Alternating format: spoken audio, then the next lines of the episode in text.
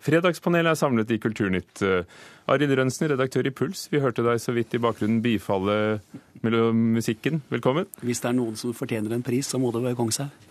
Marit Moe Maune, regissør, velkommen. Hei. Og Jan Zahl, kommentator og musikkanmelder i Stavanger Aftenblad, hallo. Hallo. Ikke akkurat musikkanmelder, men kulturjournalist. Ja. Kulturjournalist, Men du har skrevet en del om musikk også? Ja, ja men aldri anmeldt. Det, dette, skal vi, dette, skal du få bryne deg på senere i sendingen, men vi begynner i, i, Rogaland.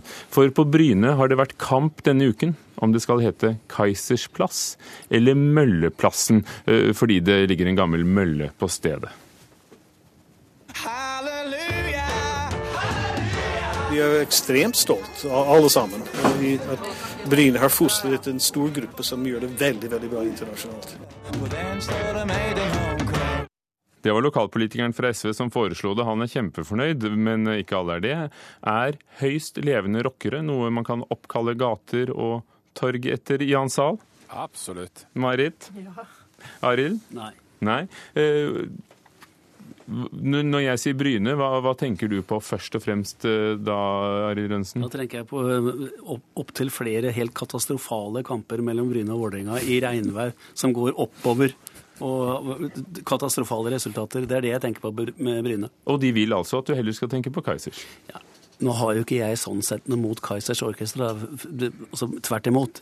Kaizers er kanskje det viktigste som har skjedd i rock'n'roll i, i Norge de siste 15-20 åra. Men jeg er jo altså, generelt sett jeg er imot statuer og plasser. Jeg vil ikke altså, Vi veit ikke hvordan dette skjer. Eh, hva slags eh, renommé vedkommende har om 20-30-40 år.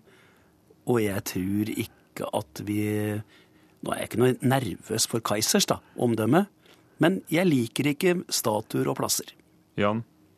Ja, Du har jo fått inn sannsynligvis verdens mest inhabile personer, da, sier bror min spiller i Keisers, og det jeg har skrevet musikk, er biografien til Keisers Orchestra. ja, for det, Vi har hørt deg snakke om den tidligere i Kulturnytt. Ja. Eh, nei, altså, eh, jeg, altså I prinsippet så er det greit det der med å ikke oppkalle eh, gater og streder etter folk som er i live, eh, og ting som er i live. Men nå, nå dør iallfall Keisers til en viss grad i september, for da stopper det jo. Eh, og dette går fint inn i historien til Keisers. Alt Keisers har gjort, har vært ukonvensjonelt. Det har brutt med sånn som en liksom skal gjøre både det ene og det andre. Du synger ikke på norsk i utlandet. Du, syng, du, du slår ikke gjennom verken i Norge eller internasjonalt på den måten. Alt, alt har vært ukonvensjonelt, da passer dette fint inn. Og det er omstridt og disharmonisk og masse styr om det. Det passer helt nydelig inn i det Keisers-universet. Jeg tror jeg sa ja av et prinsipp, og det at ting jeg ikke mener så forferdelig mye om, det syns jeg er greit. Så får jeg bruke om nei-ene mine på noe som engasjerer meg på et eller annet vis. For jeg kjenner jo det at det ikke det er ikke det mest engasjerende temaet. Men hvis jeg skal engasjere meg, så vil jeg si at hva skjer da om 30 år? For det er klart, jeg beklager til Stavanger. Det er ikke sikkert alle sammen går rundt og hører Kaizers som 30 år. Men det er jo veldig mange da, gatenavn på gamle menn vi ikke aner hvem var lenger. Og da tenker jeg sånn at noe av det de gatenavnene brukes til, det er å si hvem var han der, og hva var det der? Og jeg har veldig trua på historie, da.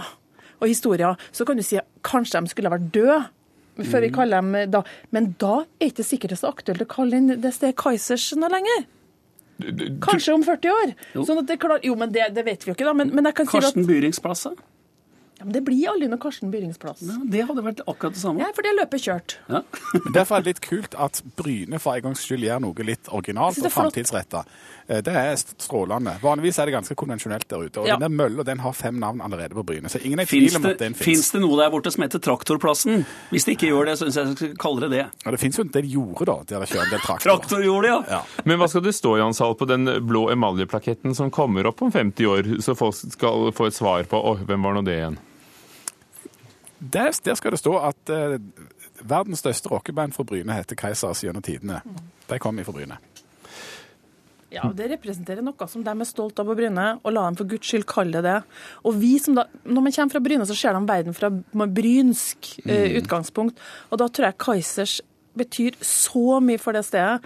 Så halleluja. Ja, og, det, og det brynske og det jærske utgangspunktet er ofte litt sånn å, å kikke litt ned i grusen, og det er mye motvind, og det er liksom ikke så store visjoner. Så derfor er det litt stas at det skjer noe stort en gang iblant. Kunne du tenkt deg, Jan Sale, å ankomme til Lillebjørn Nilsens plass i Oslo? Kari Svensens uh, smug? Det høres jo ut som kjempegod idé, absolutt. Men da sier vi amen, da. Halleluja. Halleluja. Eh, Og, og så skifter vi tema til en ny undersøkelse som ble presentert denne uken eh, i, i Kulturnytt på mandag. Eh, PR-bransjen får mer makt og sitter nesten alltid i toppledelsen i selskaper. Journalistforeningen var bekymret, sa at det er en hemsko og et hinder for demokratiet. Informasjonsrådgiverne sier at eh, de er et gode og helt uunnværlige. Er de, informasjonsrådgiverne, spinndoktorer, en hjelp i informasjonsalderen, et nødvendig onde eller et hinder for demokratiet? Svar som dere vil, Marit. For min del, i det jeg gjør som regissør, er jeg helt avhengig av at noen hjelper meg når jeg står og det nærmer seg en premiere og noen skal kommunisere og få unger eller voksne eller gamle til å komme og se forestillinga.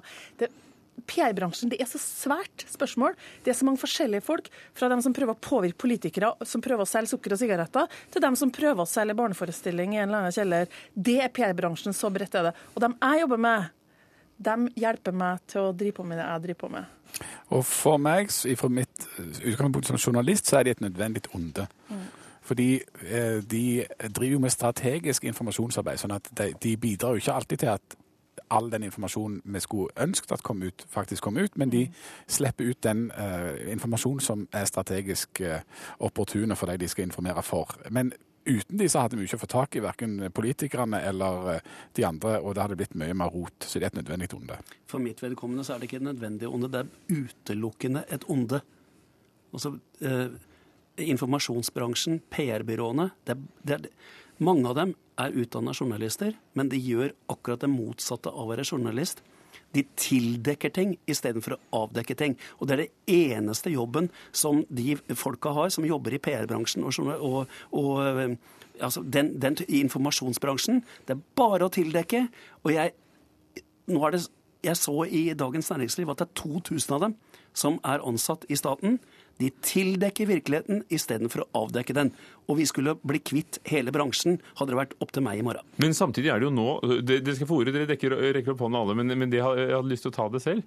Det er jo så mange journalister og så mange medier eh, som krever svar ustanselig. Eh, hvordan skulle det vært å være enten toppleder eller statsråd hvis du selv skulle tatt alle telefonene? Jo, nei, men Det kan godt være en sekretær, men det behøver ikke være et, et PR-firma som driver med det. Og jeg har litt erfaring fra begge sider her, for jeg har jobba i VIF-TV. Som jo er Altså, vi skal drive det, Vi er journalister, i anførselstegn. ikke sant? Men hele vitsen, hvis det blir en katastrofe i Vålerenga, så er det jo VIF-TVs oppgave å tildekke sannheten. Ikke å avdekke sannheten.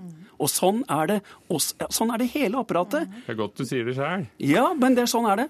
Ja, og Det, det syns jeg er kjempebra at du presiserer at det er forskjell. Men det er forskjell på et PR-byrå eller som du sier, en informasjonsmedarbeider som jeg ofte jobber med. De opplever jeg som mine, mine sekretærer som hjelper å gjøre oss tilgjengelige, som hjelper å gjøre folk som er travelt tilgjengelige. Men det er klart, PR-bransjen er et kjempestort demokratisk problem. Det er bare å lese uh, Vigdis Hjorth i 'Lenge leve posthornet', så forstår man at, eh, at, at man rett og slett trenger noen ganger å få noe viktig å kjempe for. Men i Lenge leve posthornet så får plutselig den PR-rådgiveren Alle må lese den boka.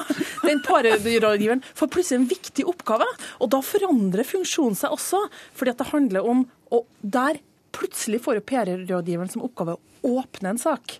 Og gjøre det tilgjengelig fremfor å lukke den og forme den. Jeg hører du trekker pusten, Jan. Ja vel, jeg er statsminister, sier jeg altså. Ja. Ja, jeg, jeg, er jo, jeg er jo prinsipielt enig med Rønsen, eh, men i sånn, rent sånn realistisk, og jeg syns jo òg at det er altfor mange av de, men rent realistisk så, så er det noe bedre å ha noen som kan det faget litt, grann, framfor å ha en sekretær som ikke kan Ja. det.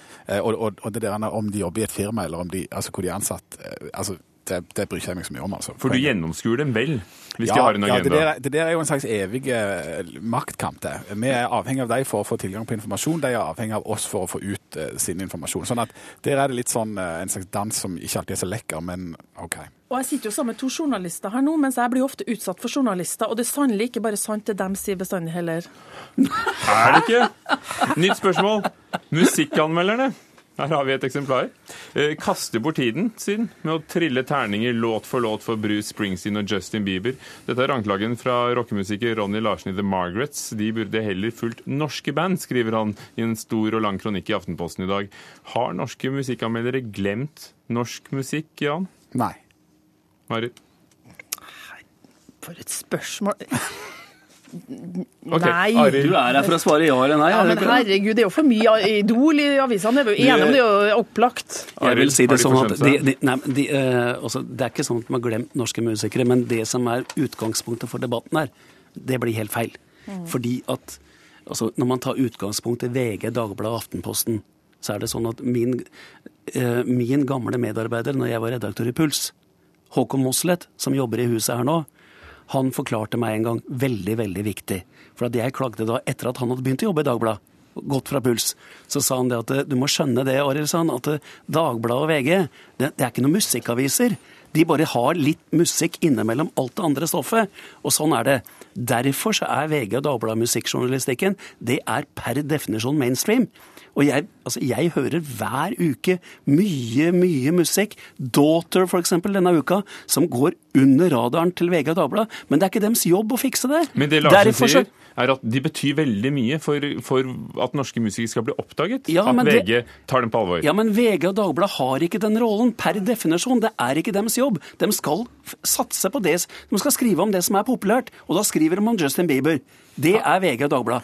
Per Altså, def. Ja, altså, og så er det, sånn, det er sånne kjedelige, realistiske ting. Altså, Det er et faktum at det blir færre og færre som jobber i disse avisene, og som skal produsere stadig mer. og Da blir det færre av de der turene rundt omkring. Eh, lange turer, reportasjeturer med norske band en eller annen plass. Og Aviser klarer ikke å komme seg unna at de må forholde seg til noe av det som er populært. Så syns jeg også det er helt idiotisk og overdimensjonert den dek dekninga som er av Idol, f.eks., som er helt absurde. Men når, når noen av verdens største artister kommer til, til landet, av, om det Bruce Springsteen eller Justin Bieber, så vil det være helt absurd å late som de liksom ikke kom.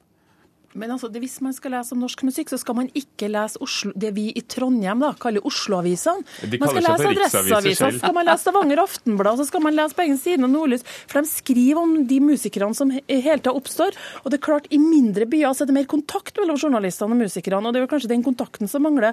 Og det at du er inn i et miljø, og faktisk, sånn som du har gjort, eh, Rønsen, i mange år, at du har kontakt med miljøet, for å få vite om noe, så må du faktisk treffe dem. Så, så jeg syns egentlig det handler jo det samme gjelder jo sport. Du får ikke VG og Dagbladet til å skrive om det viktige som skjer i, med unge folk i, i sporten. Det oppstår i lokalmiljøet, og så ender det opp der hvis de på et eller annet vis lykkes kommersielt. Og Lokalavisa skrev at Ullern tapte 1-8 for Vålerenga. Altså. Ikke sant? Og hvordan er det med Stavanger Aftenblad?